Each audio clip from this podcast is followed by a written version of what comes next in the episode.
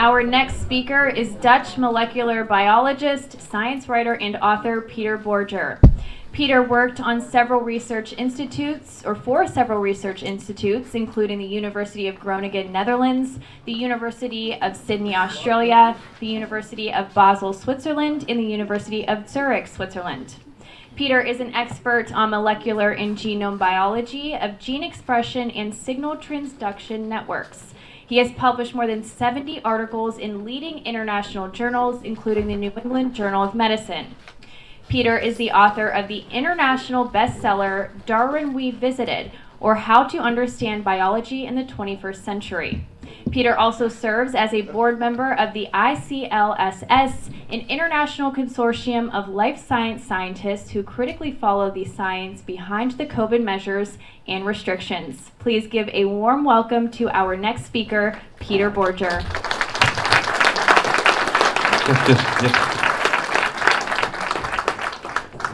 Okay, thank you, Taylor, so much for your introduction and also the organizing committee for inviting me here today. Oh yes, I have to stand in this corner here, yeah? And I have to speak like this, okay.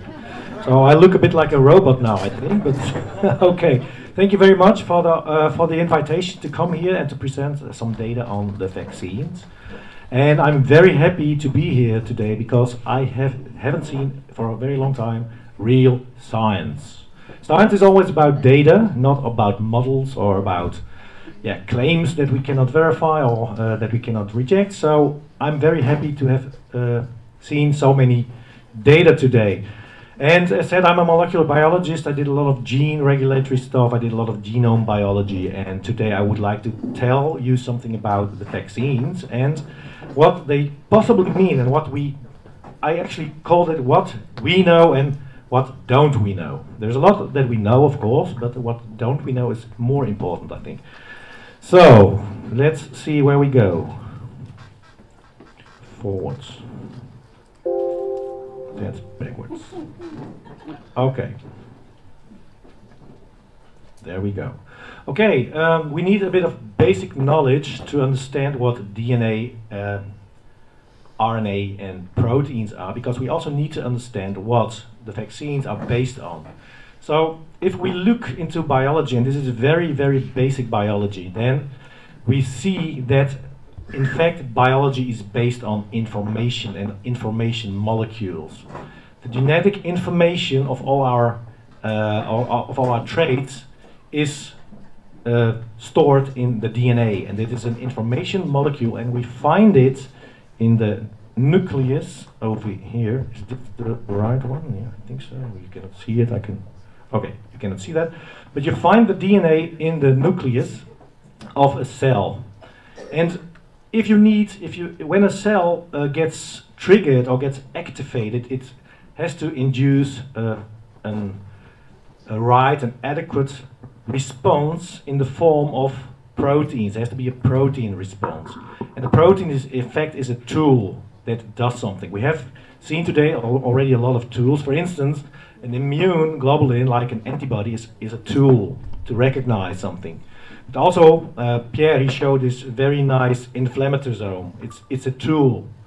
So our genome is full of tools, coded information for tools, and this is what you need in biological processes, the tools. And we have 20,000 genes, which can be translated into proteins and it can be translated in thousands and thousands and thousands of proteins because there are mechanisms that can even generate more proteins from these thousand genes. So when protein is needed, we, ne we, the DNA needs to be transcribed, it's transcription. And in this transcription process, we find an RNA. an RNA is produced. We call this a messenger RNA or an mRNA. And this is in fact also an information molecule, but it is no longer a double helix as, as above, but it is now a single-stranded molecule. It is a, bit different from a DNA composition, but it contains the same information. And when this has to be converted into a protein, it is called translation. The RNA is then translated into a protein. And this is in fact the basics of biology that you have to understand to understand what types of uh, vaccines that are currently used in uh, worldwide. So we have, oops, we go now one back. No, too far. Oh.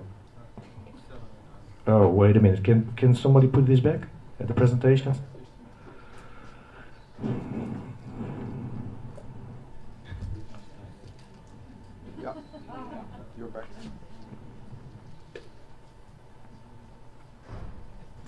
Okay, and I think it's also important to understand that we are talking about DNA, which is in the nucleus. In the nucleus, it is transcribed, that is the process over there, and then this RNA molecule is located out, it's transported out of the nucleus, it goes to the cytosol, and this RNA protein is then translated into a protein. And this is the basics of biology that I think we have to know to understand what is going on in these I have a different one at home which I'm not used to, so I keep. Well, let's do it again.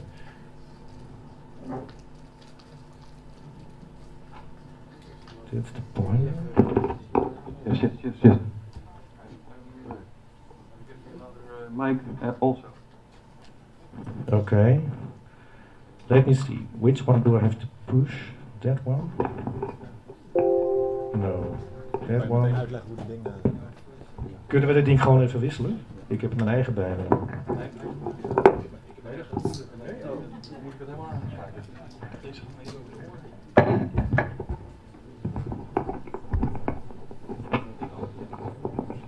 Oké. Hallo? Oké. Dan moet ik kun je mij even, even zeggen waar ik op moet drukken.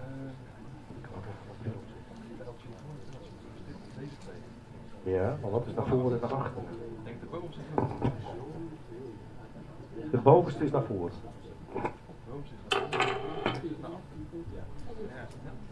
En waar moet ik richten? Die kant op?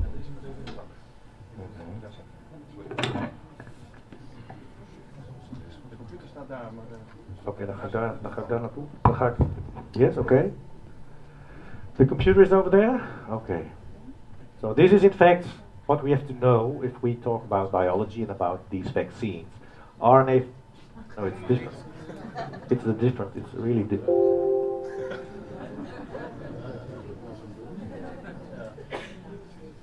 Pieter, Ja? wil je hem ook groot zetten?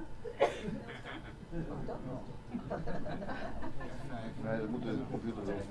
Ja, er zitten, er zitten maar drie knopjes op, maar... Het is echt moeilijk.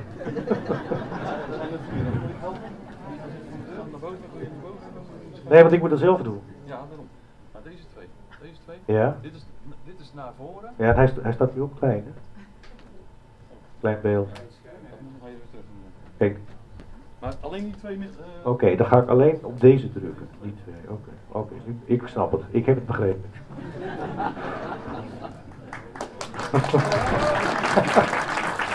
Oh. Nou, gaan we, gaan we nog een keer. Oké.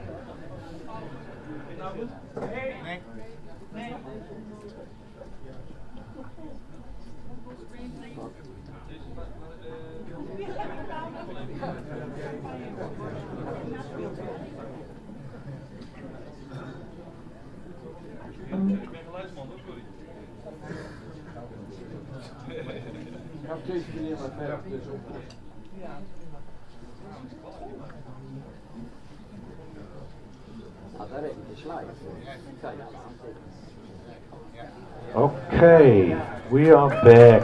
Thank you. Okay, I think I skipped this slide now, and I also skipped this now. We know now that there is DNA in the in the nucleus, which has to be transcribed into RNA, and then it is translated into protein. And these are the things that we have to know to understand the different types of vaccines. So, okay, the vaccines. So we have the first one, the DNA-based vaccines. They're also called DNA vectors or vector vaccines. And as you can see here, it is made of a DNA molecule. Then, of course, we have the vaccines that are based on RNA, and they're also known as mRNA or RNA vaccines for short. And it is this single-stranded molecule that is not a DNA molecule, but it is an RNA molecule. It's slightly different.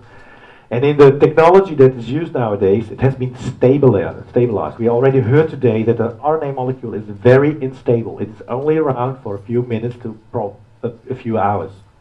So normally it is degraded, it is, it is induced and it is degraded immediately.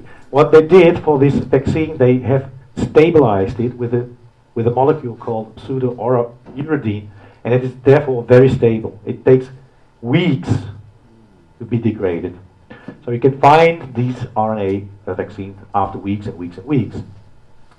The third one, the third vaccine that we uh, that we have for ages, in fact, are the conventional vaccines that are usually based on proteins or on attenuated or deactivated, inactivated uh, uh, viruses, and it can also be made of a protein that is present on the membranes of these viruses or it can even be a synthetic protein. You can make proteins in the lab nowadays, and you can inject that as a uh, as an uh, as a vaccine.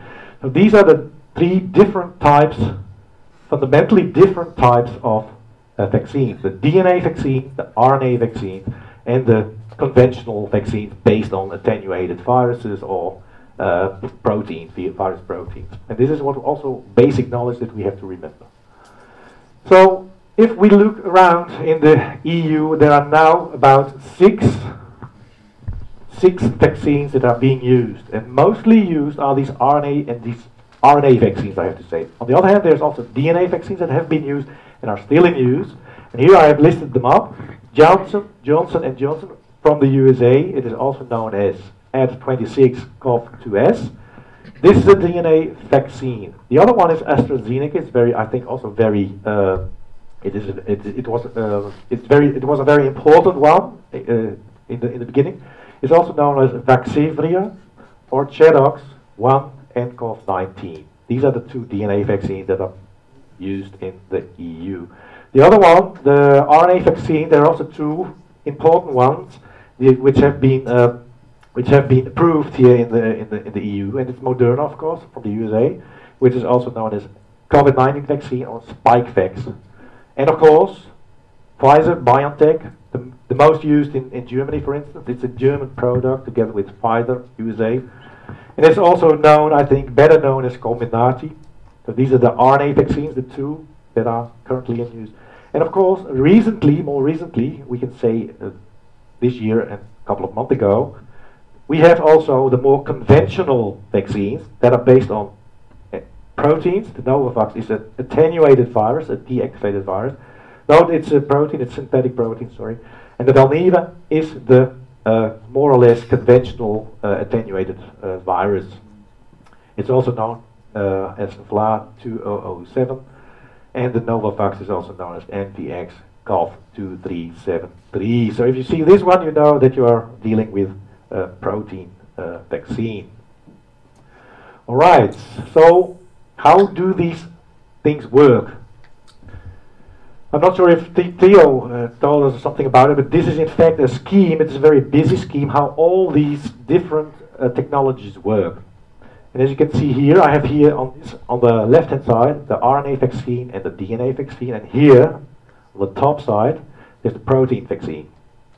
And an RNA vaccine is normally, usually, a um, virus vesicle. It's an adenovirus and it contains DNA. And they also have cloned in a protein of the virus of interest. So in this case of the coronavirus, it is the S protein that they have put in this adenovirus. I will say something more to the adenovirus, how they make it and what the pitfalls could be later. But the thing is, this virus particle is going to into your cells, it's integrating the cells, it's what an adenovirus does, and it goes to the nucleus of your cells. And in the nucleus of your cells, there is the human DNA. There's your DNA. There are all your, uh, there's all your information stored that you need to live, to function, or functioning of normal function of your cells. And if it is in the if it is in your nucleus, it is going to be to it is going to express the DNA that has been built in, and it is going to be released as an RNA molecule, which is here. So it goes from the DNA to the RNA. This RNA is in the cytosol. This RNA is going to be translated in your cytosol to an S protein, The S protein is processed, it is put on your membrane, and then you get induction of an immune response. So this is the DNA mechanism, how it works. So you have DNA, then RNA, then protein, and then your immune response. On the other hand, we have here the RNA vaccine.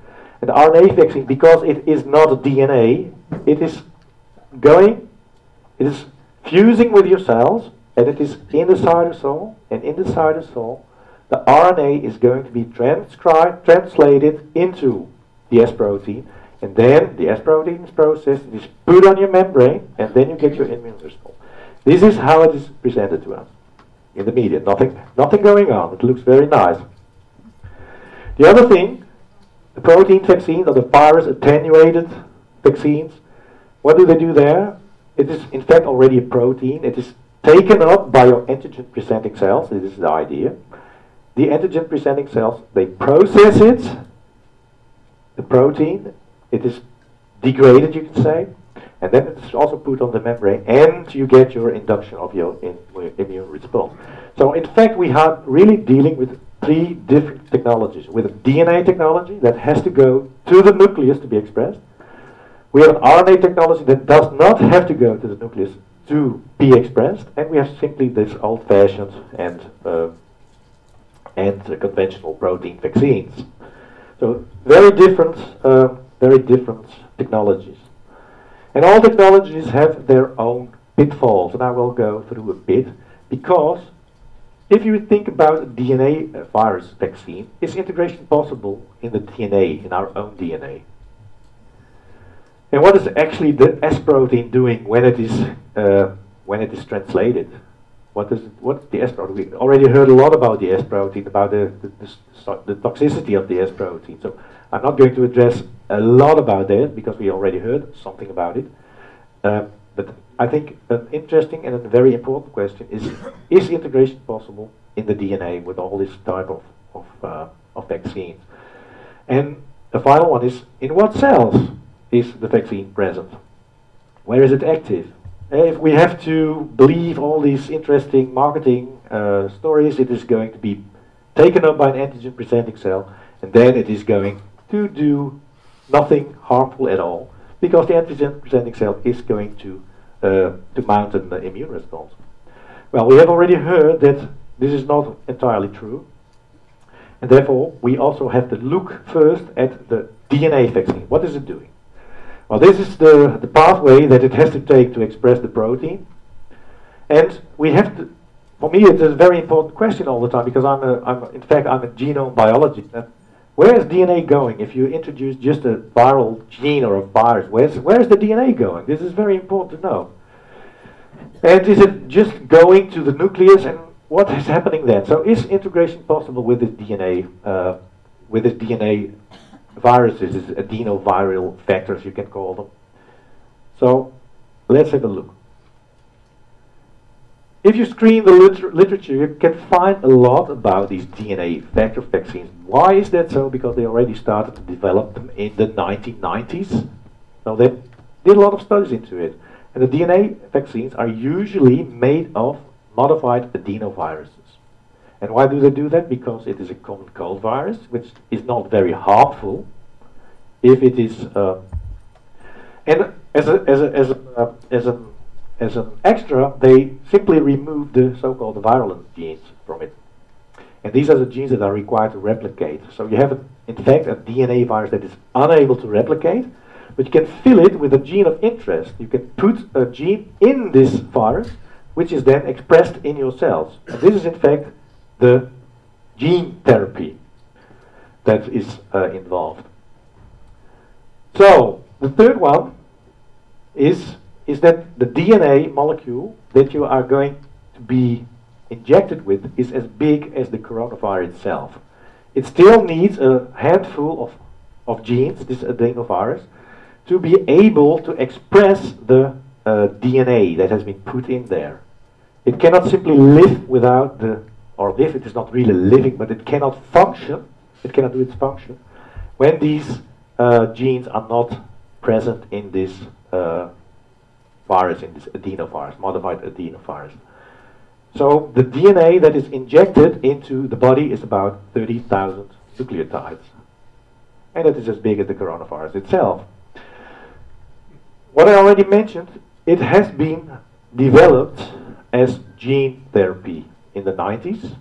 The point is, it was not integrating enough, the efficiency of integration was not sufficient um, for the therapy, for the gene therapy. If you have, for instance, a tumor or you want to uh, cure, uh, cure some cells from a genetic defect, you want to have a system that is exchanging or it is uh, expressing these genes in all the cells of the tumor. Otherwise, the tumor is, still not cured. So, the point was the efficiency was not as good as hoped for. Still, if you look into the literature of those days, and then we speak for uh, about 20 years ago, you see that they did a lot of experiments, and we know the efficiency. And here's one of these reviews, and what does it say? It says that recent studies have shown that replication in competent adenoviral uh, vectors randomly integrate in the host chromosomes at a frequency of 0.001 to 1% of infected cells. And you can say, okay, that is probably not a lot, but 0 or 1% of of the, the, the total amount of the body cells is a huge amount. A body has about 40,000 40,000 billion cells. So 1% of that is still a lot. It's still 40, how much is it? 400 million, a billion even. So you can say, okay, the, the chances that it will integrate in your genome, these DNA factors, are very slim. And I discussed this with uh, several people who work in the field, and they said, ah, okay, but I did this type of experiments, and in fact, the frequency is much lower than this 1%. It could be indeed this 0.01%. Still, it is millions and millions of cells. Because we have so many cells. It is, it is the power of the, of, the, of the big numbers. And this is going. This, this, this is now playing a role. So you cannot simply simply uh, neglect the fact that there is integration of these uh, DNA factors in your genome. Okay, and then the question is, what happens next if there is integration in your genome? Well, integration in your, in your genome means that nothing else and that the genetic context of the genome changes. And that is something, another word for saying, another expression for mutations. You get mutations. You, mut you mutate your DNA at a random, at a random, at, at a random way, in a random way. So it's not controlled, it is simply integrating somewhere in your genome. And what does it mean? It could have immediate genotoxic effects if it integrates in a gene that is very important, for instance. It can also randomly integrate in a, in a position that we think, oh, that there's nothing. There is nothing in the genome. A lot of people still think that the genome is full of junk DNA. I can tell you, we did all these studies the last 20 years, and there's not a lot of junk DNA. Most DNA is functional not as genes, but as structural functions or regulatory uh, sequences. So we have to be careful to think about the genome in a completely different way. If it is, if it is integrating somewhere in your genome, what is going to happen over time? What is going to happen in the context of different mutations? Because our genes and our genome is mutating all the time it's not only because of this type of, of, of uh, vaccines that, that can integrate in your genome. No, it is the genome is simply degenerating all the time. So what is going to happen over time with an addition of other mutations? Is it speeding up genetic defects? Is it speeding up genetic aberrations or diseases? The, uh, the question to that is, we simply do not know it. And why don't we know? Because we have not studied it. There are no studies. And in fact, these studies are not so hard to do because you can do, for instance, uh, you can inject um, an, an, animal model, for instance, and then look into this animal model in the different in the different compartments in the different organs for integrations of these sort of uh, molecules. And you can find them nowadays because we have we have all the all the the, the equipment. We do we, we, we can sequence an, an, an entire genome in a day. So we have the, we, it is possible to do this. If you look into the literature, this has simply not been done. So we do not, we do not know. But we do know that they integrate in the genome at random. So the long-term effects are very hard to grasp, but I predict that they will be there. Okay, the other thing is, and if you look into literature and if you look in uh, the propaganda and about the marketing, marketing papers of, of the of the pharmaceutical industry, you see this this type of of, of figures. An RNA vaccine, it is simply put in a lipid, lipid vesicle, or nanoparticle they also call them, and it is then fused with, they hope, the antigen presenting cell only. It is fusing with a lot of different cells also, it is now known. But what is going on, they think, it is not, and they firmly believe it, that the RNA, the RNA is going to be translated in a protein and then simply put on the membrane to get this immune response. The question here is also, where does it go? In what cells is it present? And thirdly, is integration in the DNA possible? We are talking about an RNA molecule, and RNA molecules, they think, cannot be reversed back into DNA and cannot be put back in your genome. Well, this is the general story that, uh, that I heard in by the I think it wasn't by the end of 2020 when they were designing all this stuff. And I heard a lot of scientists in the Netherlands, but also international scientists. They say, okay, there's there's no way that this type of RNA molecule can can be put back in the genome. But I was studying for the last couple of, let's say, last decade, last 10 to 15 years. I've been studying certain genetic elements that are called lines, and I will show you something about that. First, let's have later. Let's uh, let's let's have have a look where this uh, where it where this RNA is accumulating in the cells. Here you see a mice. I think if you look carefully, you see a mice here from the side. And here this, when the more yellow and red it is, the more accumulation of this RNA uh, vaccine is found in these organs. So you see that there is an accumulation in the ovaries, but also in the bone marrow and the liver. So it accumulates not only where it should be at the place of injection, though, it is also accumulating on places where we rather not would like to see it. So it is not sitting where it should be. It is off target. It is everywhere, like Pierre also said. It's every you can find it everywhere in, in, in the in your uh, in your in your body. So is integration possible in the DNA? Well, if we have to believe the general opinion, it's not possible. Well, I know, I know from my own research that it is possible. RNA molecule can be reverse transcribed back into DNA and it can be put back in your genome.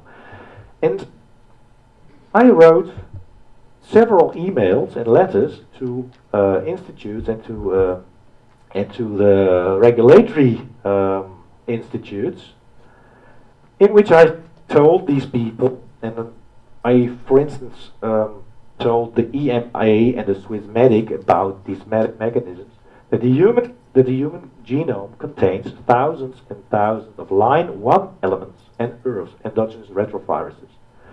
In fact, these are RNA transposons that can move in your genome. These elements, they code for a so-called reverse transcriptase, abbreviated RT, RT, and an integrase. And an integrase is an enzyme that can put it back into the DNA. And some viruses can do this. For instance, HIV, the AIDS virus. They have also this type of, of uh, enzymes. The thing is, I published a paper a few years before, and this was about the activity of the line 1 open reading frame 2, which is in this panel over here. And this shows that it is activated in lung cells, in normal lung cells, upon stimulation with smoke extract. And what we see here is you have the line 1 expressed, and this is expressing the RT.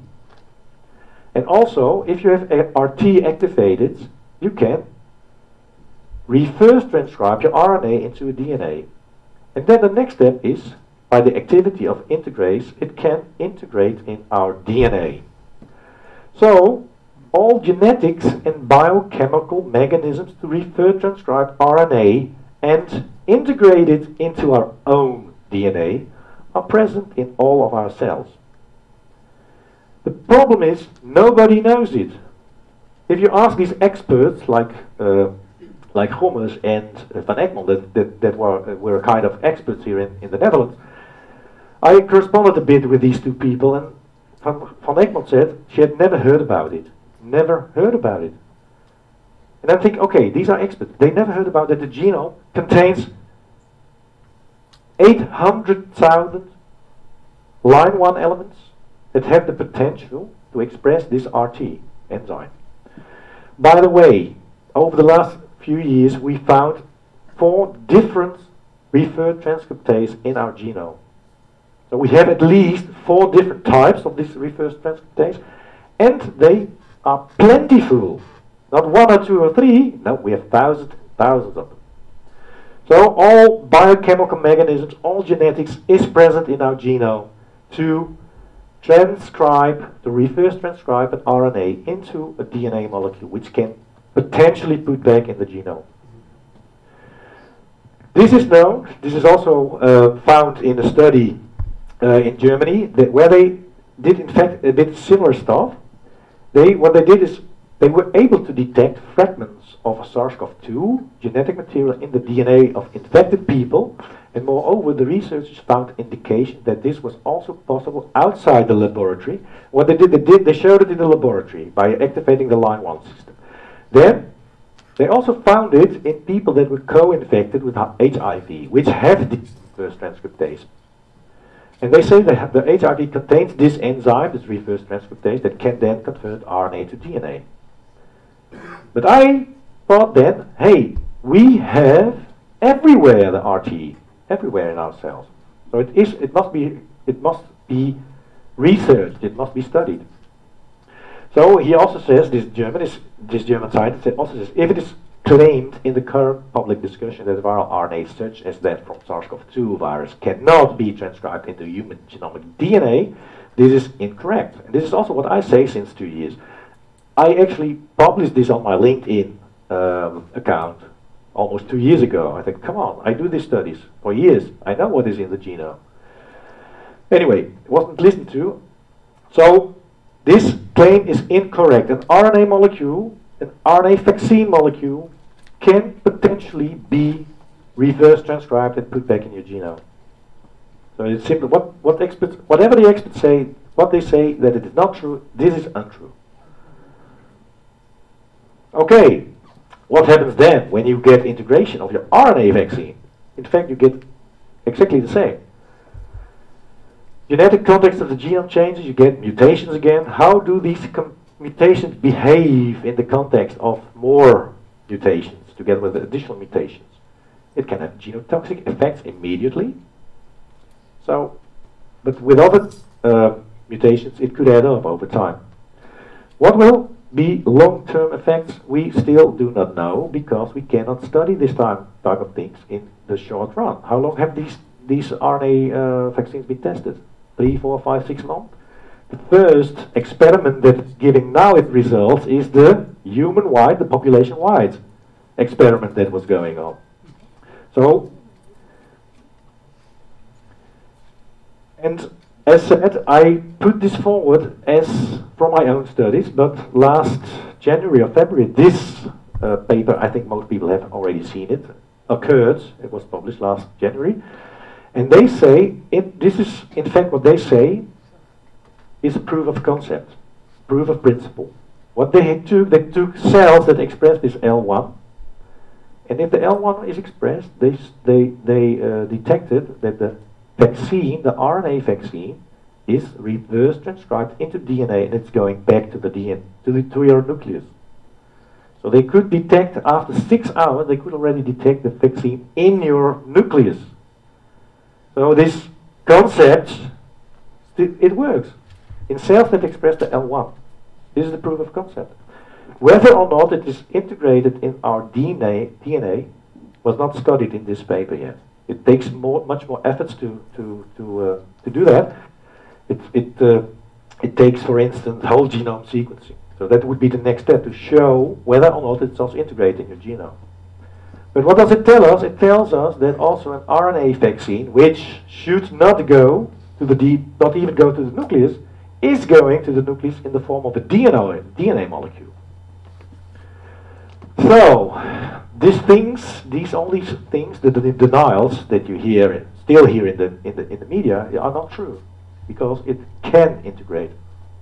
Here we see that the narrative of the experts was and still is that these new vaccines cannot integrate into our DNA. I took some uh, quotes from the RTKI, the Robert Koch Institute website. They say there is no evidence that a DNA vector vaccine is able to integrate into the genome. The same they say for the RNA vaccines is not converted into DNA and does not affect human DNA. This is just claims. It is not based on science. If they claim this, they have to show our the, uh, the data. That would be science. Show the data. I asked several several of these people to show the data. Where do they where do we have the data? They simply don't have the data. They simply claim it. Gommers had had a similar uh, a similar one. Uh, still you can still find it on the internet. There is no need. He said there's no need to worry. Long term effect. The long term risks are very rare. Maybe they are rare. We don't know. RNA, the substance contained in the vaccine, breaks down within a day. Normally, it would indeed break down, but it has been stabilized. It has been artificially stabilized. After weeks, you can still find it. And he says it does not react with your body's genetic code. How does he know? He doesn't have any data to show it. It's just a claim. The other professor, Van Egmond, she said, in a YouTube video, she says, some people are afraid that the RNA vaccine may also change the DNA. What is true about that? Absolutely nothing, she says. So the RNA vaccine really can't change your genes at all. I wrote her this letter. I said, how do you know? Well, she had never heard about the RT, uh, the RT enzymes present in our genome. And I said, there's not one, there are four different types, and there are thousands of them. So, completely wrong. Completely wrong. DNA RNA vaccines cannot integrate in the DNA. This is wrong.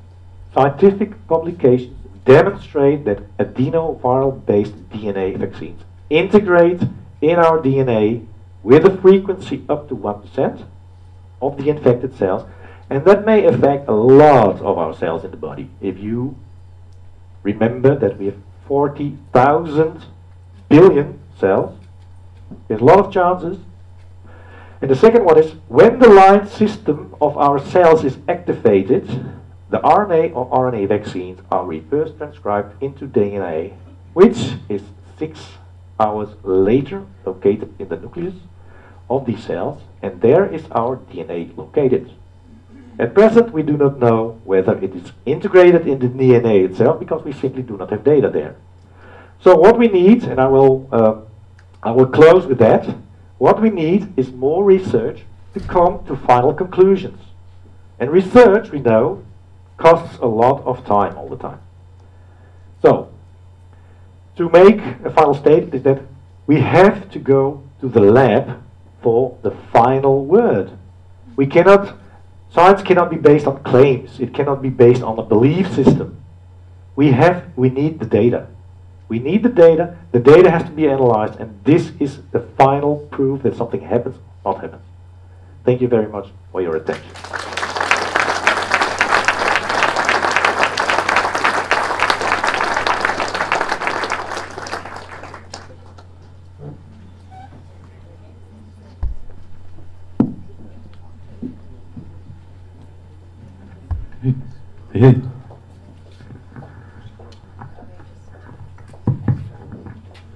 All right, Dr. Peter Borger, thank you. Very thorough and scientific explanation of how the DNA vaccines work.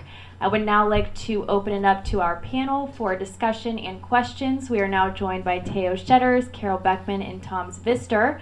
Theo, I'm going to begin with you. Any initial thoughts? I saw many note taking here, and I saw a lot of nodding of the head, so I would like to hear your thoughts on this presentation. Okay. Thank you. Uh, first of all, Peter, thank you that you managed uh, finally to uh, to work with the remote control. well, that is a very complicated. it is, and I have with my thick and big fingers I manage. But anyway, okay. But you manage something else, and that's very important, and that is, um, yeah, to to um, to bring to, um, to the floor this discussion about integration and change of your uh, genome, and um, we have. Um, uh, discussed it several times, not you and me, but in the, in the media, and then from other researchers, I always get this remark first. The cells that they use were tumor cells, so that's not normal. And the other one is that once it is integrated, it lacks the uh, initial points to uh, start uh, transcription of uh, the inserted uh, uh, code so that you can ever get a new mRNA for spike back. And yeah. could you comment on that? Well, this is a good command indeed because you need activation of your L1. And normally people, normal, most people, they think that ac that the activation that this is a system that cannot be activated in normal cells, that they're only activated in tumor cells. It is true that we find it reactivated in high levels in tumor cells. But on the other hand, it is also found in uh, certain cells that divide very rapidly because mm the L1 is required, we think now, in uh, in cells that uh, that need it for being pluripotent, you can mm -hmm. say. Mm -hmm. Where we find it expressed at very high levels also, and where it is functional, it was a report a few years ago in Nature, is in the first 24 hours in the in, after um, after fertilization. Yeah. So the first 24 to 48 hours, in a very early stage, the L1 system is activated. Mm -hmm. This is what we know. What we also know is that you can activate it actually. What we did in a few years ago in the lab, we isolated cells from the lungs. This was one of these figures that I showed. We isolated lung, primary lung cells. We put them in culture and we added cigarette smoke to it. And immediately this L1 system was activated. Mm -hmm. We could follow that mm -hmm. over time. So the point is, we can activate it, but we do not actually know how and when it is activated in our organs or in our cells. But to say that it is not activated at all or it does not have a function, this is simply not scientific. Because you have to show it. Or at least you have to come up with a certain risk analysis. You cannot just say it never happens, because it happens. Mm-hmm. We simply, we simply do not know when it yeah. happens. Yeah, I know that that's that's of course a criticism, especially um, what the uh, uh, Marjolein van Egmond says. Eh? Yes. Totally yeah. not.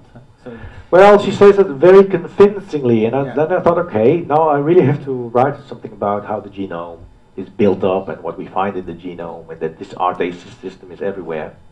So uh, another question, but maybe it's technical, but I think um, it, it, relates to this. Um, is it possible I know the answer, but I want you to tell it to me. Is it possible to determine whether the mRNA that you find is coming from the vaccine or whether it is retranscribed from an inserted?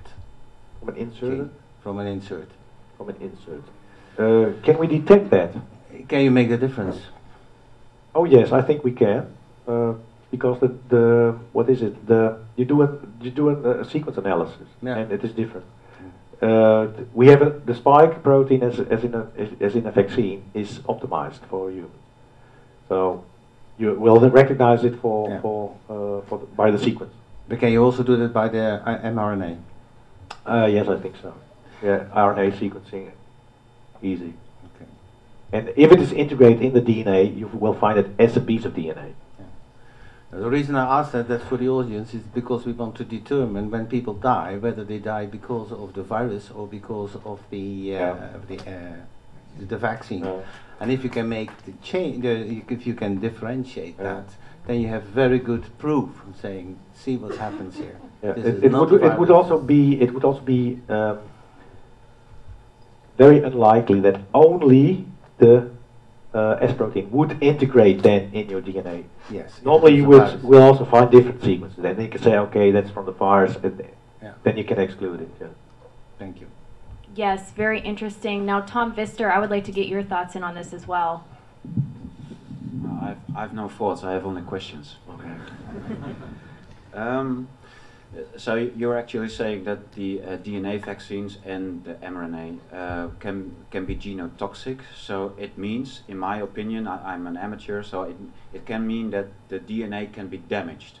Yes, this is what Yeah. genotox Yeah, toxic means. exactly. It is toxic to our genes or to our genome. Yeah.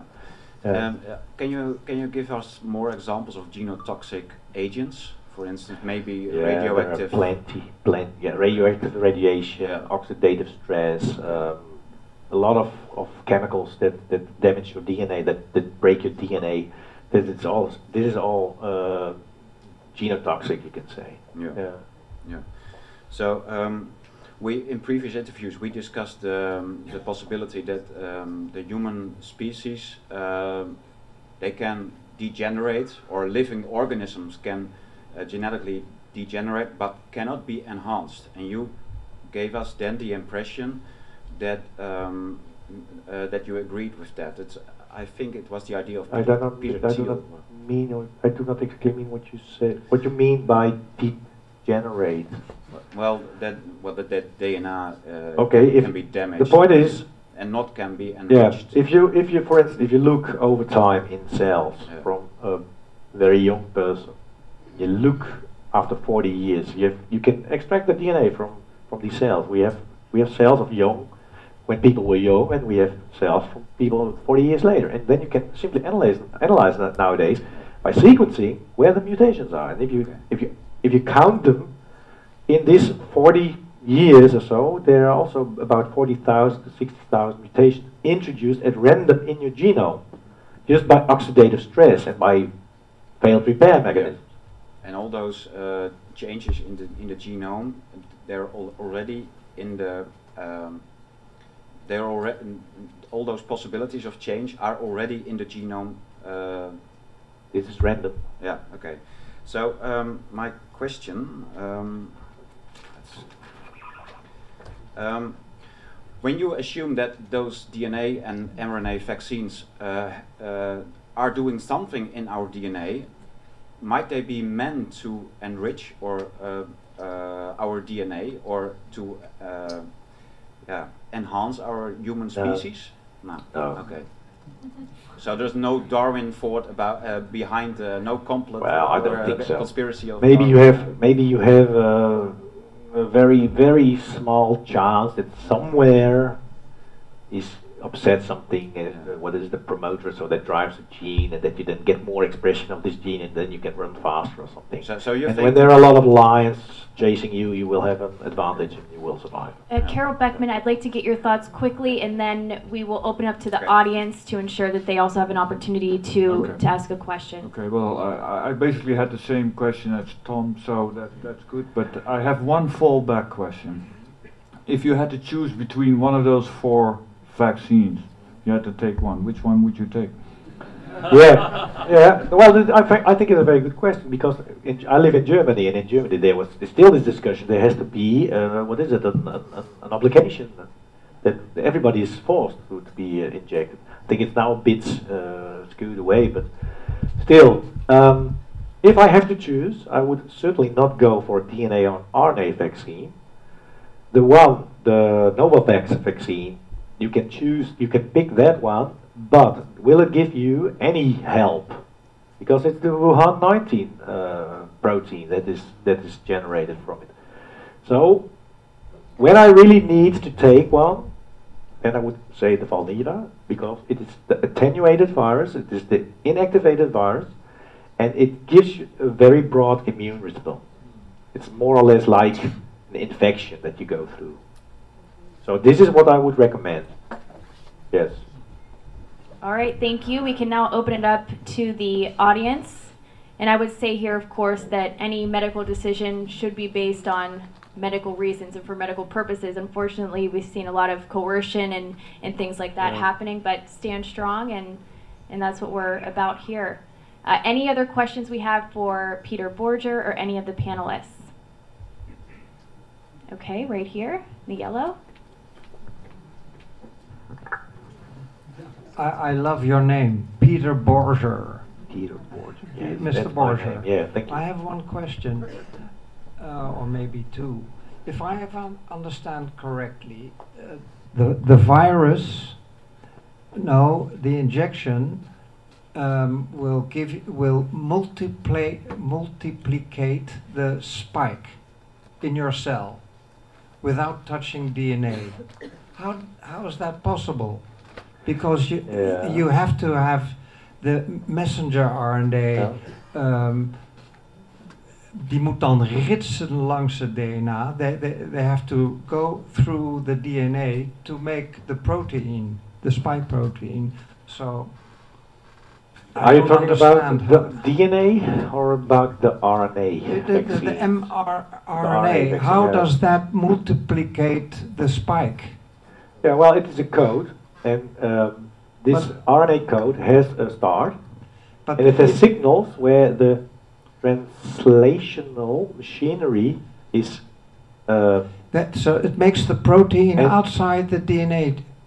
yes, but this So- is this is this is what I showed in the first slide. You have your Yeah. DNA. The first step is the transcription. Then you have your RNA. This is a, this is a, what what is going on in a cell. You have in your nucleus. You have your DNA. In your DNA, the RNA is uh, is the, me- the, the, the, the, the the message is the same information, but it can travel out of the nucleus, and the RNA is then translated into a protein. So this is in fact what's going on all day in your cells. Maybe I can add to that. So the nucleus is actually the cookbook, and the RNA is the recipe. Yeah. Certainly. So how can you? So how can you cook it without the recipe? Uh, the, this is, the recipe is there because you have your RNA. The RNA is located in your kitchen, and there are cooks coming and they make this recipe not But- once, but- but, but they make it another time and another time and another time. As long as the RNA is, is around, the recipe is there. They ca- you can make a, a, a, a cake. It depends on how many cooks there are, and there are a lot of cooks in your cell. I can tell you. All right, uh, Dr. Peter Borger, thank you very much. Thank you, panelists. If you could all just again hang tight briefly for me, I'd like to present our speaker with a gift here. Ooh, that's all right. So, Yeah. thank you, fantastic presentation. Thank you. Thank you very much.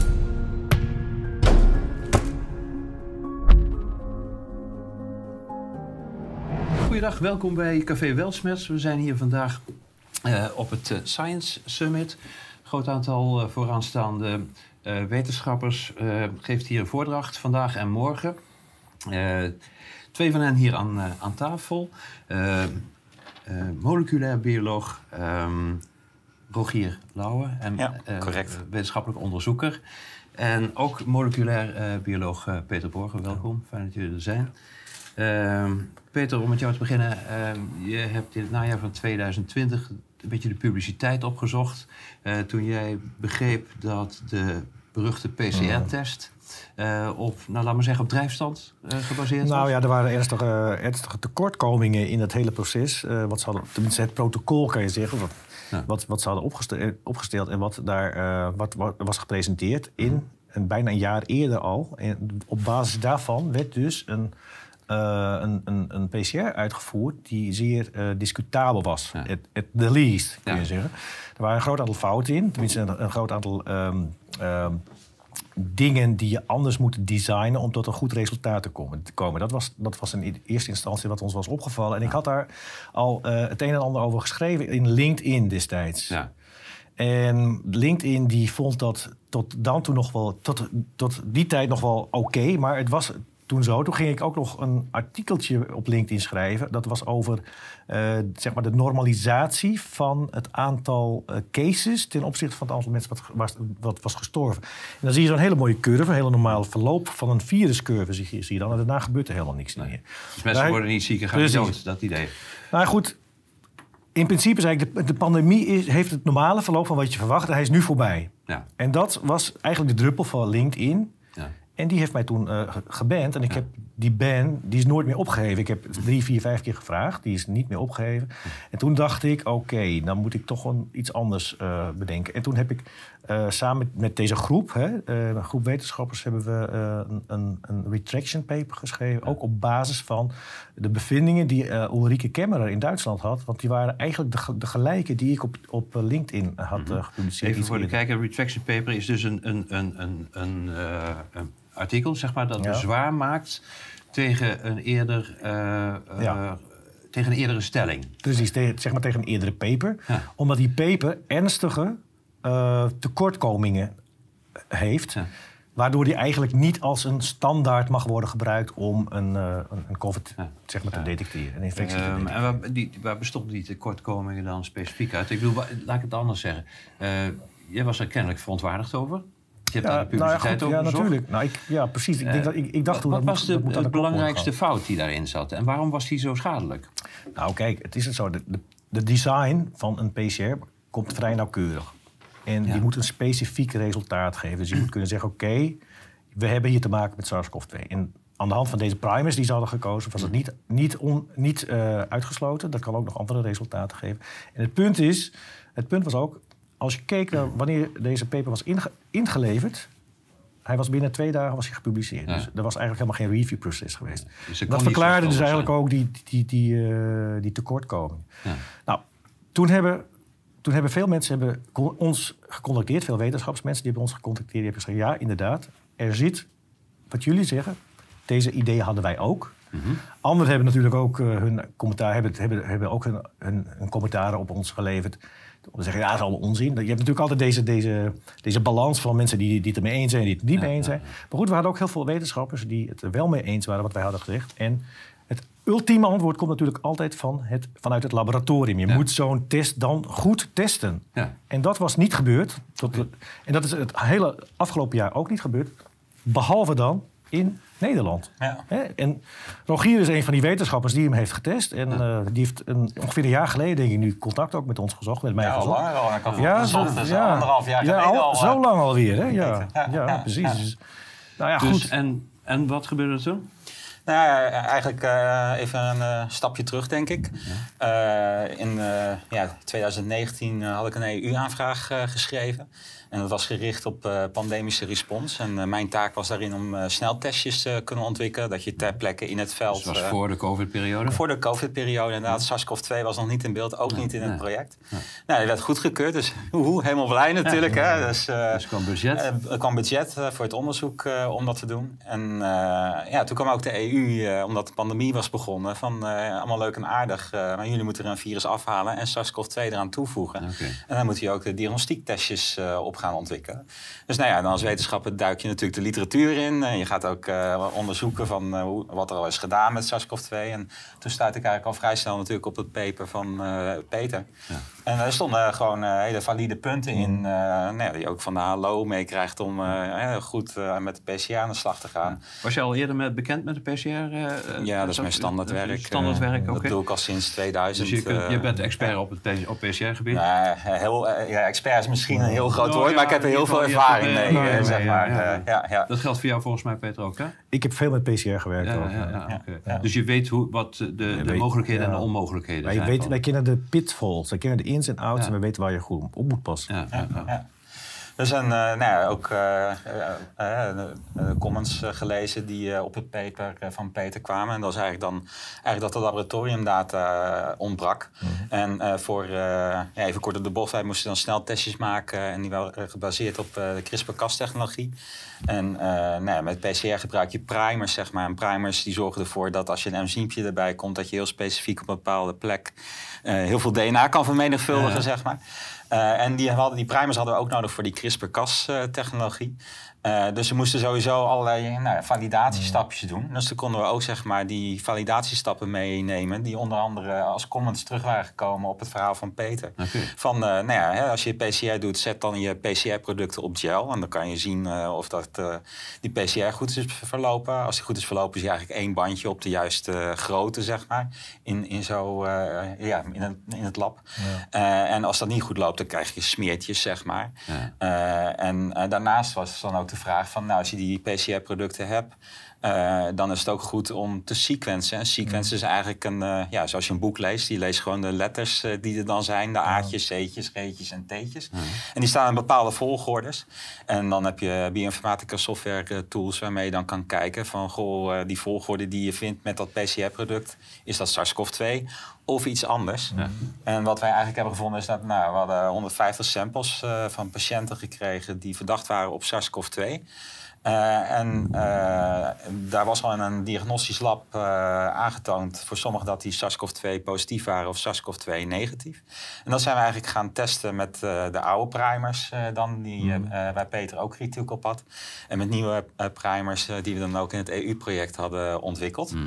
Eh, en eh, nou, de nieuwe primers, daar eh, waren we mee in staat om ja, eigenlijk iets beter de detectie van SARS-CoV-2 voor elkaar te krijgen. Eh, maar een van de comments die Peter ook had, was dat de oude primers ook andere producten eventueel zouden kunnen oppikken. Zoals- Producten bedoel je? Ja, een genetisch materiaal van eventueel Ja. een mens of Ja. andere virussen of bacteriën. Ja. En dat is eigenlijk wat wij dus ook vonden met dat sequencen. Dus we konden dan inderdaad ook aantonen dat eh, met de oude technologie, eh, de, de GGD-test, eh, zullen we maar zeggen, dat die ja, vaak ook aansloeg. maar eigenlijk op iets anders aansloeg dan Ja. op SARS-CoV-2. Dus dan kreeg je vals positieve. Vals positieve of vals negatieve. Of vals negatieve, Ja. kan Ja. natuurlijk Ja. ook, hè. En dat ligt dan weer aan Ja. ja. hoe je hoe de PCR-technologie toepast. Ja. Ja. Eh, eh, Oké, en wat was je conclusie dan over de bruikbaarheid van de PCR-test volgens het... Want we hebben het hier over het Drosten-protocol. hè? Mhm. Eh, Dat is ontwikkeld door een Duitse wetenschapper Drosten in zeer korte tijd. Hè? Eh, nou ja, goed, het, Nou ja, het, was, het is eigenlijk een, een, een Europese paper, kan je zeggen. hè, Want Ja. er waren heel veel instituten uit... eh, Ook van een EU-project volgens mij. Ja, dat denk Ja, ik ook. drie Ja, per dag. ja, ja, Ja. precies. Ja. Want eh, eh, het Erasmus zit daar ook in geïnvolveerd. Het RKI is erin geïnvolveerd. Er is een Engels eh, instituut is erin geïnvolveerd. En natuurlijk ook het RKI, hè, waar, het Robert, Robert Koch Instituut. Dus het, is een, het was echt een, een, een, Interessant is een. Europees project. Ja. En ehm, dus ja, veel mensen, eh, eh, veel, mensen zijn erin geïnvolveerd. En veel belangen zijn er ook natuurlijk erbij, ermee gemoeid hè, in, in dit opzicht. Ja. Dus ja. Ehm, Oké, dus de conclusie was, zoals deze test nu wordt uitgevoerd... Ja, is eh, suboptimaal, terugkomend op je vraag. eh, Suboptimaal, ja. maar überhaupt bruikbaar? Of, eh, Ja. nee, laat me een vraag even herformuleren. Eh, als de test wel op de juiste manier, zeg maar op de optimale manier, dus niet suboptimaal, maar optimaal werd ingezet, zou het dan een bruikbaar testinstrument geweest zijn om daarop besmettingen vast te stellen? Ehm, Daarmee? in- nou ja, besmettingen, ja, dat is natuurlijk, hè, want eigenlijk eh PCR-test toont alleen het genetisch materiaal Ja. aan. Dus eh, dat geeft wel aan, hè, de, de vraag geeft al aan dat je eigenlijk daarbij ook een, eh, een, nou ja, een, een arts nodig hebt. Die Ja. kan inschatten of dat de patiënt eh, eh, een, eh, een virale infectie eh, bij zich heeft. Vanwege symptomatiek. Vanwege de symptomatiek. Eh, en dan zou zo'n test eh, toepasbaar eh, kunnen zijn. eh, met daarbij in acht nemend eh, dat de test die toen was eh, ook eh nou, eh, foutenmarges had. Dus hè, dat is natuurlijk een risico. Eh, de test die wij hebben kunnen ontwerpen, als je daar de cycli, eh, eh, hè, dus hoe vaak je genetisch materiaal vermenigvuldigt, eh, dan een oogschouw neemt. eh, en dan eh, kunnen we de meeste vals negatieve eh, eh, elimineren, zeg maar. Mhm. Eh, dus dat houdt in dat je dan echt eh, eh, een, een test hebt die dan in de kliniek eventueel wel goed eh, te gebruiken is. Eh, omdat je dan daarmee altijd eh, nou ja, eh, mogelijk patiënten kan van, eh, eh, diagnosticeren die eh, ja, infectieus zijn, zeg maar. Mhm. Afhankelijk van de arts. Ehm, maar het nadeel was, wat wij dus ook zagen met onze test, is dat je veel vals positieve dan weer, eigenlijk nog meer als de, de oude test Ja, creëerde. En daarmee, ja, wat dat dan weer inhoudt, is dat je natuurlijk ook de kans hebt, als je dat niet controleert, dat je ook dan in het ziekenhuis eh, mensen bestempelt als eh, besmettelijk, maar Ja. dat dan Die uiteindelijk dat niet feitelijk zijn. Nou ja, eh, goed, zeg het heet maar. niet voor niks een vals positief. Ja. Hè? Dus, Ja. ja. En in welke orde van grootte moeten we dan ongeveer denken? ik bedoel, we hebben, Nou, vandaag kijk. is het woord eh, PCR-demic Ja. eh, gevallen. Ja. Hè? Dus dat we een hoos hadden aan eh, ineens zogenaamde besmettingen. Dat Ja. bleken dus via de PCR-test positief getest te zijn. Mhm. Eh, en in welke orde En die kunnen nog steeds positief zijn. Hè? Ik bedoel, eh, Ja, ja, die kunnen dat, positief er kan nog steeds steeds gewoon ook SARS-CoV-2 zijn. Maar eh, er zijn natuurlijk ook verschillende eh, papers die ondertussen hebben aangetoond dat het virus dan al weg is. Ja, ja. Maar dat men dan nog wel steeds positief Als is voor een, het genetisch ja, ja, materiaal. een hè. restant van Ja. het genetisch materiaal Dus ze dat hebben- niet, niet, niet eh, ziekmakend eh, Ja, dus we hebben dan in, de, in, de, in van die kweekbakjes gekeken Ja. of dat het virus dan nog Ja. actief was. Ja. En dan zag je dat het virus dan eh, niet meer actief was eh, nadat eh, mensen dan waren getest. Maar dat een week na zo eh, conclusie eh, er nog wel steeds een positieve eh, PCR-test Ja. uitkwam. Dat heeft natuurlijk bijgedragen aan eh, de hoge besmettingscijfers, althans zoals het genoemd werd dan. Nou ja, dat werd inderdaad cases genoemd, hè? Ja, gevallen. cases, ja. En eh, dat was, in principe was het verder niks dan een positieve PCR-test. Dat was, eh, dat was volgens mij voor het eerst hè, dat, dat je iemand ziek, een besm- besmet noemt die niet ziek is. Volgens mij hebben we dat nooit eerder gedaan. Ja, Peter heeft daar toevallig wel een Ehm, paper eh, met de whooping cough. was Ja, dat was in, in New York, geloof ik. Ja. Is dat ooit een keer voorgekomen? Dat had ze Ja, een uh, whooping cough. Dat eh, is eh, gevonden. kinkhoest, geloof ik. Hadden ze een, een korte tijd hadden ze daar epidemie. Epidemie. Die, die was ook gebaseerd op, de PC, op een vals PCR-uitslag. Dus het is wel een keer eerder voorgekomen. En dus de mensen waren eh, eigen. Ja, precies. Ja. ja. En dat, en, eh, dus het is wel eens eerder voorgekomen. Kijk, dat, dat betekent ook op kleine schaal kan het zelfs voorkomen. Als je een hele lage prevalentie hebt, dan krijg je hoog, een hoge vals positiviteit. Dat, dat werkt altijd eh, samen. Ehm, als je een hele grote bevolkingsgroep gaat PCR, dan krijg je natuurlijk nog veel meer. Dat, en, dat, en, en kijk, deze, deze PCR-test is daarvoor juist niet geschikt. Want je moet dat altijd goed kunnen controleren in een laboratorium. En dan wordt het een veel te lang verhaal. Dus Het ze willen graag een hele snelle test. Oké, positief, negatief, positief, negatief. Maar zo kan je dat kan niet doen. hooguit ingezet worden als onderdeel van een diagnoseproces. Precies, en zo zou het ook moeten worden gebruikt. Ja, en dus, kijk, eh, en in het begin werd die ook zo gebruikt. Hè? De, eerste, zeg maar de eerste maand zo ongeveer. En toen, Ja. toen zag je ook dat er ook een, ook een hoge... Dat, eh, de, eh, heet het, de, de, de, piek, je zag echt die heel duidelijke piek. Hm. En die piek, als je die ging normaliseren, dan verdween die gewoon in. Zo mei, juni verdween die. En daarna is je ook niet meer teruggekomen. Hm. En dat was dus een van mijn bevindingen ook. Dus ik denk, wat ze hier aan het meten zijn, het is in ieder geval niet een pan- pandemic. Het moest iets anders zijn. Geen, epide- Ja. geen epidemische Ik heb, ziekte, inderdaad, toen heb ik het woord PCR-demic, heb ik, of ja, PCR-demic heb ik toen maar op in LinkedIn gebruikt. Nou vandaag eh, ja. bij Pierre Capel in zijn, eh, in zijn voordracht, die zei ook van de, de, de PCR-test is de enige eh, grond waarop er gesproken kan worden van, een, van een, een pandemie. Eh, niet eh, op basis van het aantal zieken, niet op, het aantal, op basis van symptomatiek, ook Mhm. niet feitelijk op, het basis van, op basis van het aantal doden, zoals we Mhm. net hebben gezien in de laatste Ja. presentatie. Eh, dus het kan eigenlijk alleen maar ge- eh, gebaseerd zijn op, Mhm. de, op die testuitslagen. Precies. Ehm, Ja, dat was destijds, dat- nu spreken we dus inderdaad van, van anderhalf jaar geleden, was dat ook mijn angst dat dat, dat was. Ja. En dat was ook een van de gronden waarom ik dat, ehm, dat ben aangegaan, ook het hele verhaal. Ja. En natuurlijk ook omdat ik wel het een en ander weet van PCR's en hoe ze, hoe ze werken en hoe ze goed gecont- gecontroleerd moeten Ja. worden. En dat je ze niet voor enorme grote getallen kan gebruiken, voor grote aantallen kan gebruiken. Dus dat was ook een van de redenen. En ik had een aantal bezwaren al, zoals gezegd, geformuleerd op LinkedIn. En toen mensen met onafhankelijk met dezelfde bezwaren kwamen, dacht ik: oké, er zit iets in. Die bezwaren die moeten correct zijn. Dus toen heb ik eigenlijk contact met die mensen eh, gehad. En we hebben, dat, eh, we hebben het allemaal op een rijtje gezet. Toen kwamen we dus tot die tien bezwaren.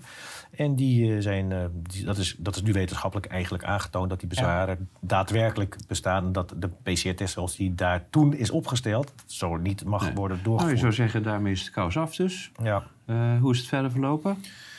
Ja, hoe is het verder verlopen? Met mij is het v- goed gegaan verder. Ehm, ik heb natuurlijk veel positieve berichten gehad over het hele verloop en de gang van zaken. Dat ik bereid ben om, om, me- om me voor deze ehm, dingen hard te maken. En dat ik ook voet bij stuk houd. Eh, aan de andere kant krijg je natuurlijk ook extreem veel kritiek. Opponenten. Vanuit eh, welke hoek? Nou, meestal, ik krijg eh, in Duitsland veel, ehm, veel kritiek vanuit de hoek van... dat is een, weet, dat is een, een, vereniging, denk ik. Die, die, die noemt zichzelf AG Evolutionsbiologie. En dat is, heeft te maken met het, met het feit dat ik ook heel erg kritisch ben richting Darwinisme. En daar krijg ik de hardste kritieken van. Maar dat staat eh, toch los van, eh, eh, van die retraction paper en de onderbouwing die daar... Natuurlijk, dat, is ook, dat, is ook, dat heeft ook niks met elkaar te maken. Nee. Maar ze proberen dat gewoon op die manier, proberen zij een bepaald stempel op jou te drukken. Zodat je ongeloofwaardig, te maken. ongeloofwaardig Ja, ongeloofwaardig te maken. Maar heb je ook inhoudelijke reacties gehad van, van, van vakgenoten, collega's... Mm. Of, of misschien ook wel mensen die het niet met je eens zijn geweest... die, jou, eh, eh, die die tien punten probeerden te weerleggen Ja, inhoudelijk? dat, dat is een van deze, een van deze, een van deze mensen heeft dat geprobeerd. geprobeerd. En daarop is ook, Ja. heb jij ook een addendum eh, geschreven. ja. Dus, eh, Ja. Waar dan nog eh, twintig Ja. Gepubliceerde Ja, papers precies. ook aan werden Ja. gehaald die Ja. eh, daarmee de data weer Het is goed dat je dat even aanvult, want wij hebben natuurlijk in januari nog een keer een addendum aan ons Ja. paper bevestigd, die überhaupt niet werd gereviewd. Daar hebben ze verder helemaal niet naar gekeken. Maar die, die 20 papers die we daar hebben neergelegd, die zeggen eigenlijk al eh, wat daar als, als eh, theo- theoretische bezwaren werd aangekaart door ons, dat het, dat het eh, correct was. Dat het correct was. En nu, jij toont, ja, we Ja, tonen dus nu eigenlijk aan dat het, dat het het gewoon. eh, ja. Dus het is nu echt, echt heel hard gemaakt. En, eh, en en wat, ik, wat ik ook nog even wil zeggen, je ziet ook dat als je werkelijk een PCR-test wilt doorgronden en echt werkelijk wilt testen, hoe lang, hoeveel tijd daarin gaat zitten. Hè? Ja. Want Ja, jij hebt het dus eh, echt zeer uitvoerig gedaan. Nou, maanden. Ja, een jaar. Maanden, bijna een jaar. ander- bijna Ja. anderhalf jaar Ja, bij elkaar. ja. eh. Precies. Ja, ja. En nu maar zie dat, je dus, dat ja. zou daarom alleen al niet geschikt zijn om massaal te testen, omdat er gewoon veel te veel tijd en moeite in gaat, Ja. eh, gaat zitten. Ja. Was het überhaupt nodig om te testen? Nou ja, en dat is ook eh, wel wat ik een beetje uit eh, hè, met de EU-aanvraag eh, ook eh, dan ja, heb meegekregen. Hè, er, er is wel, eh, ja, men is gewoon aan het zoeken van als er een virus of bacterie uitbreekt, hoe kan je eh, ja, zo'n beestje nou het beste volgen? En Ja. in die zin ook van hoe gaat de verspreiding bij mensen? Eh, maar nou, eigenlijk is mijn conclusie al gewoon van uit dit project wat ik heb doorlopen, dat het wel een hele lastige klus is om dat goed te doen. En dat je dus ook daar heel voorzichtig mee moet zijn. Dat is ook een van de boodschappen die we in het paper zullen overbrengen. Is dat eh, ja, als je zo'n test maakt, dat je ook gewoon heel goed moet communiceren wat eh, nou ja, hè, de, de, de, eh, de gebreken zijn in zo'n test. Ja. Want uiteindelijk zijn wel de, de, de beleidsmakers die daar ook daarmee ja, op doorpakken. En ja, als die ook foute informatie krijgen Mhm. Ja, door... krijg fout eh, beleid. eh, dan krijg je fout beleid. En dat kan ja. twee kanten op. Hè? Want eh, ja, misschien in dit geval dat er wat meer vals positieve zijn. Maar het kan ook zijn dat je een test hebt die juist veel vals negatief genereert. En dan mis je juist heel veel. En dan, Ja, precies. Ja, er zijn verdenkingen op basis van hoe die test is uitgevoerd, dat die zodanig is ingezet dat die eigenlijk onvermijdelijk vals positieve zou, zou leveren. Dat eigenlijk iedereen die enigszins kijk had op hoe zo'n test werkt, eh, dat wel had kunnen weten. Eh, Ja, dat was ook een van mijn grote, eigenlijk grote raadsels. hè. Want Je hebt altijd te maken met een, met een bepaalde verdeling. En de verdeling is zo, als, als je lage prevalentie hebt in, je, in, in, de, in de bevolking... dan vind je veel vals positieven. Ja, ja. En dat, dat heeft Bayes, heeft dat, was dat Schots eh, mathematisch... die heeft dat 200, 300 jaar geleden heeft hij dat al aangetoond. En wat is de kans, als je positief wordt bevonden door iemand... wat is dan de daadwerkelijke kans dat je ook de ziekte hebt? Ja, ja. Dat heeft hij keurig laten zien in, in, in een... Die eh, kennis een was er dus gewoon. Die kennis is er wel. Ja. En eigenlijk is, moet dat echt virologische kennis zijn. Die moet er bij de viroloog aanwezig zijn. Dus waarom dat dan niet ja, dat is aan de opgepakt? mensen. eh, ik denk dat, leidt dat, eh, natuurlijk op, eh, ah, dat leidt natuurlijk tot, eh, automatisch tot wat speculatie. Hè? Ik bedoel, ten eerste wordt zo'n testprotocol veel te snel in elkaar gestoken. Het lijkt erop dat eigenlijk vooraf al eh, het idee was van... nou, we willen graag zoveel mogelijk positieve hebben... want anders zou je dat op, op een andere manier aanpakken. Eh, kunnen we die conclusie... eh, ik trek zelf die conclusie niet. Ik, ook niet. ik trek altijd de conclusie... eh, we willen graag een, eh, een PCR-test waar we zelf geld mee kunnen verdienen. Want kijk, de Chinezen hadden al een PCR-test. Die, die hadden hoe ziet klaar. verdienmodel eruit?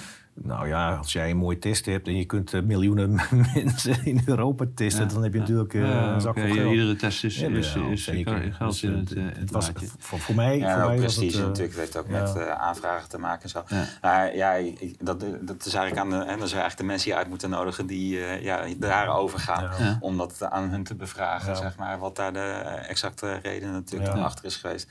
Eh, ja, je kan het wel vermoeden, maar ja, het, blijft Ja. wel een beetje speculeren. Een beetje natuurlijk. speculeren. Het is Ja. natuurlijk een beetje Ja. speculeren. Kijk, het is zo, toen, eh, toen deze PCR-test werd gepubliceerd, toen waren er zeer, zeer weinig cases. En er waren een paar cases in, in China, voor mij waren er zes, zes eh, do- doden Ja. gevallen of zo. Ja, En het was in Europa was nog niks los. Dus kun je afvragen, waarom moest het allemaal zo snel gaan? Ja. Eh, ik heb liever een goede test die betrouwbaar is... dan een slechte test die, eh, waar je niks mee kan. Mhm. Ja, ik kan me nog voorstellen dat in die beginsituatie, we, we kregen te maken met iets nieuws. Er was paniek. eh, ja, dan in dat soort omstandigheden worden wel eens overhaaste beslissingen genomen, zou je kunnen Ja, zeggen. ja. Maar er is toch voldoende tijd nu geweest en voldoende nieuw inzicht geweest om dat dan te corrigeren, zou je zeggen. Ja. Wat, wat, wat, enig idee wat daar nou de weerstand tegen zou zijn? Ik bedoel, als jij erover spreekt op, eh, op eh, LinkedIn, worden er vanaf geknikkerd. Ja. Moet ook een motief achter. Enig idee waarom dat zoveel weerstand oproept? Nou ja, ja, dat is ook inderdaad weer eh, eh, ja, giswerk. Ja, Eh, ik- is durf voor zeggen. natuurlijk niet zo handig. dat, hè? Dat is nee, niet nee, jullie manier van aanpakken. Maar ja, het is natuurlijk wel zeker, hè, we zijn nu twee jaar verder. Eh, nou ja, als je het zo terug eh, bekijkt en wat de- met de kennis van nu, denk ik wel dat het beleid aangepast kan worden, zeg maar. Had moeten worden Eh, misschien zelfs ja, wel. Hè? ja. Ja, ik wil je geen woorden in de mond leggen. Nee, maar, maar- ik bedoel, het, ja. het lijkt me toch een logische conclusie. Ja. Hè? Ja, nou, nou, nou krijgen we natuurlijk van het najaar weer een... eh, eh, dan, dan zal het wel weer actueel worden. Ehm, we hebben natuurlijk nou de vaccinatie eh, eh, inmiddels gehad. Hè. Mhm. Dat was eh, toen jij die retraction paper schreef nog niet zo... eh, eh, was Nou, nog toen- niet, toen waren ze in ontwikkeling, hè? Toen waren ze in ontwikkeling, ja. ja, ja. Ehm, enig eh, zicht op wat dat nou betekent eh, voor wat er nu in het najaar weer op het programma staat? Nou ja, ik kan wel e- even iets heel kort zeggen over die vaccinaties. Want het is natuurlijk zo, die vaccinaties zijn nog steeds ba- gebaseerd op het Wuhan-virus hè, van 2019. Dus het is het, het oude, het, het oude eh, virus wat, wat, wat lang niet meer rondgaat. Ben je nog beschermd? Er zijn studies die laten zien dat je nog een heel klein beetje beschermd bent. En als je dan een booster krijgt, dan ben je, gaat, gaat, een beetje, gaat dat kort omhoog, maar is het twee, drie maanden later is, het, is de bescherming ook weer volledig verdwenen. Dus ja, brengt het überhaupt nog iets om jezelf te laten boosteren? Ik denk het niet. En ik hoop niet dat, eh, om eerlijk te zeggen, ik hoop niet dat ze met een nieuwe Omicron-achtige eh, vaccins komen. Want dan krijg je hetzelfde verhaal weer. Ja, ja. Dus je zegt eigenlijk, zo'n soortgelijk vaccin is gewoon niet eh, nuttig in deze situatie. Nou, ik heb er vorige keer volgens mij al een keer eerder gezegd... Het, het, het- vaccinatie is alleen nuttig voor mensen die werkelijk eh, een vaccinatie nodig hebben. Mensen die echt, eh, hoe heet het, die, die potentieel eh, kans hebben om, om eraan... Ja, precies, een risicogroep noem je dat. Die, die echt kans hebben dat ze eraan gaan sterven. Dus jij moet, je moet een risicoanalyse doen. Welke groep moet ik vaccineren, welke niet. Maar je moet niet gewoon wereldwijd of bevolkingswijd gewoon eh, verplichten tot vaccinatie. Of een grote ziet- druk leggen op, op mensen. Maar je ziet toch nog wel een zeg maar, positieve factor. Want er zijn eh, bijvoorbeeld eh, Theo Schetters, die is, ziet er helemaal geen, geen positieve eh, werking in. Nou, ik zie, Eh, eh, bevolkingswijd zie ik ook geen positieve werking. En daarom zeg ik ook, je moet het echt... Kijk, we gaan, we gaan richting een, een, een, maatschappij met personalized medicine. Dus dan moet je dit soort dingen moet je gaan inclu- includeren. Welke, welke bevolkingsgroep ga ik, ga ik nemen? Wie, is, wie heeft een hoog risico, wie heeft geen risico? En dan, daar moet je maar voor de hoogrisicogroep zou het wel een positieve werking Ja, kunnen hebben. dat zou misschien zo. Maar ja, dan, Misschien. moet, dan moet je dus Ja, dat is specifiek... Ja, dan moet je... Ja, denk ik. eh, eh, eh, ja, uiteindelijk is natuurlijk eh, het doel van het vaccin om ook het lichaam te helpen het virus te neutraliseren. Ja. Eh, ja, de vraag is eh, eh, ja, of dat ook stand blijft houden, zeg maar. Want ja, als je ook voor de pandemie teruggaat en de wetenschappelijke literatuur daarop induikt, je ziet dan ook gewoon bij dierproeven, hè, dat wisselen natuurlijk ook per proef opzet en, en per, per studie. Maar dat er ook risico's aan zaten, zeg maar. Dus dat je eigenlijk door middel van dat vaccineren het ja, virale infectie ernstiger kan maken, zeg maar. En dat is natuurlijk ook een beetje waar eh, andere ja, wetenschappers ook voor waarschuwen dat Ja. dat een mogelijke optie zou kunnen zijn. En Dat dan het netto-resultaat eigenlijk negatief uitpakt Ja, hè, als ja, het gaat en- over gezondheid. Ja. Dan, eh, En dan, ja, dan zou het ook kunnen zijn dat je daarmee eh, eh, eh, ja, de kwetsbare groep die je dan wil beschermen, juist misschien meer schade toebrengt dan eh, dat ze er profijt van hebben. dat is ook nog een mogelijkheid. ja. En, eh, ja, dat is. eh, en er zijn dan, ja, waarschijnlijk ook gewoon goede alternatieven, zoals we ook vandaag weer hebben gehoord Ja. eh, in ja, de ja, ja, presentaties. zeker. Eh, dus eh, eh, ja. eh, Ja, en we moeten natuurlijk altijd in de gaten houden met welke virussen we eh, te kampen hebben. hè. Het is, eh, is, is het een ernstig... Kijk, als er een ebola-virus rondgaat... Ja. dan ben ik een van de eerste die ook een eh, Ja. vaccin eh, laat zetten. En, eh, maar goed, dat is moeilijk, Met vaak ook moeilijk in te schatten. Maar van het coronavirus Ja. Was dat wel beter in te schatten dan... eh, Dat dan denk ik, dat, ja. daar lijkt het in ieder geval met terugwerkende kracht wel. Ik kan me nog kracht, voorstellen, hè, zo, ja, hè, ja. die eerste Ja. golf van paniek. Alhoewel daar ook al de wetenschappelijke literatuur eh, toch al wel bepaalde richting op wees. Ja? Dat daar, eh, ja, er zijn Dus ook, ook dat had geweten kunnen zijn. in ieder geval gebaseerd op dierproeven had men daar wel, eh, denk ik, terughoudend mee moeten zijn. ook. eh, Ja, ja, ja. ja. Kijk, we wisten redelijk veel van SARS-CoV-1 al hè, in, in die tijd. Ja, gewoon een natuurlijk. Ja, Dat en was vier, van eh, vier, de, de, precies. 2003, eh, Eh, hoe heet het ook weer, Mexicaans schip? ja, Mexicaans griep hebben we gehad. We hebben de zwijn, zwijn, Ja, hebben we gehad. Ja. Ja. vogelgriep is voorbij Ah, gekomen. ja. Maar goed, eh, het ging even, mij ging het even om die SARS-CoV-1. Want dat heb ik volgens mij ook een keer eerder verteld eh, in het programma. Dat is zeer gerelateerd aan SARS-CoV-2. En van SARS-CoV-1 hadden we destijds wel een redelijke, ehm, een redelijke mort- mortaliteit, kan je zeggen, van, van 7, 8 procent. En dat was ongeveer dezelfde groep ook van, van die, die je nu ziet. Dus je kon het, op basis daarvan kon je het ook niet, ehm, kon je het ook niet bagatelliseren wat er gebeurde. Nee, Dus, nee, nee. dus ja, oké, maar goed, we zijn nu twee jaar verder. Hè?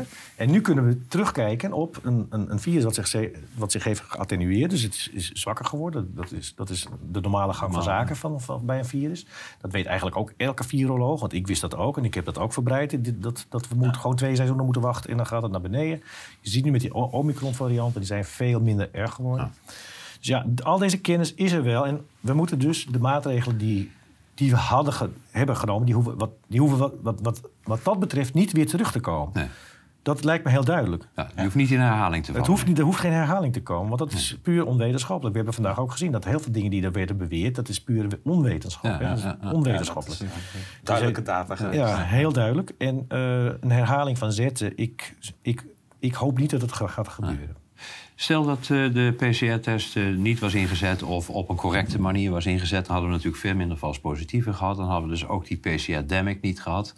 Ehm, zou er dan op dezelfde schaal geïnjecteerd geworden zijn? Zou dat überhaupt mogelijk geweest zijn? Of was die, eh, die, eh, die, die PCR-demic noodzaak om geaccepteerd te laten worden? Ja, goede vraag. Ja.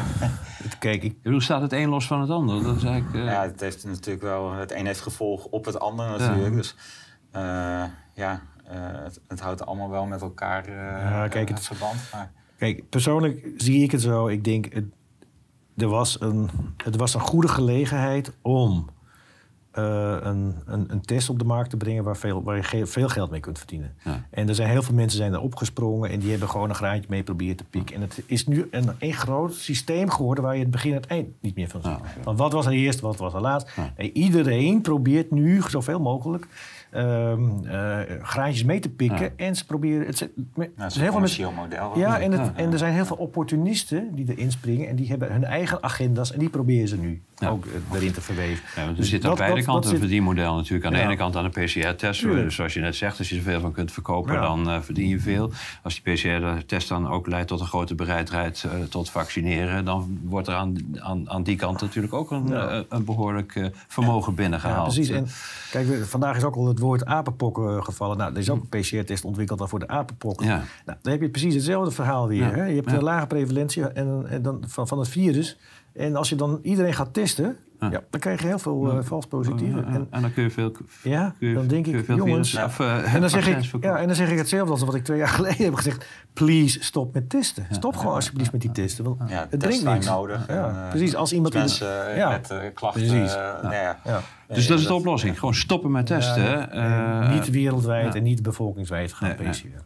Een ziekte is eh, alleen een ziekte als je ziek bent. Precies. Dat, eh, het dat mag dan de conclusie Ja, zijn. Zoals, het, zoals het vroeger altijd, eh, het wel was. Als we het op die manier hadden benaderd, Ja. dan hadden we ook gemerkt eh, dat het geen bijzonder ernstige ziekte was geweest. Mm. was er ook geen noodzaak geweest om zo grootschalig eh, te prikken. Zou dat de conclusie van dit gesprek mogen zijn? Ik denk het wel. Ik denk, Ja. als het eh, ja, een beetje à la de griep eh, zou zijn aangepakt. Van Ja. als je ziek bent, dan, eh, dan Ja, ben je ziekte, gewoon ziek uit. eigenlijk niet en aangepakt. eh, ja, en eh, nou ja, als je ernstig eh, Ja. de klachten, dan eh, weet je ja, waar het ziekenhuis Ja, is. en de dan, huisarts te en vinden Die ook gaat en dan die, kijken van, goh, welk virus heb je? En eh, dan Ja. kan er getest worden. En ik denk, eh, nou ja, dat is natuurlijk gewoon het lastige eh, in heel zo'n situatie. In het begin weet je dat natuurlijk niet. En het kan altijd natuurlijk zijn. Hè? Ik bedoel, de mensheid is in het verleden wel vaker lastig gevallen door eh, virussen en bacteriën. Eh, En ja, net ook een mooi voorbeeld gehad met de Spaanse griep. eh, hoe heftig dat is eh, geweest. Eh, dus, eh, Maar we hebben net ook in de voordracht gezien dat het eigenlijk totaal onvergelijkbaar is. Ja. eh, Ja, zeker. Maar gewoon, eh, eh, het is ook goed om eh, te kijken of er mogelijkheden zijn. Of je daar als mensheid, denk ik, op voor kan bereiden.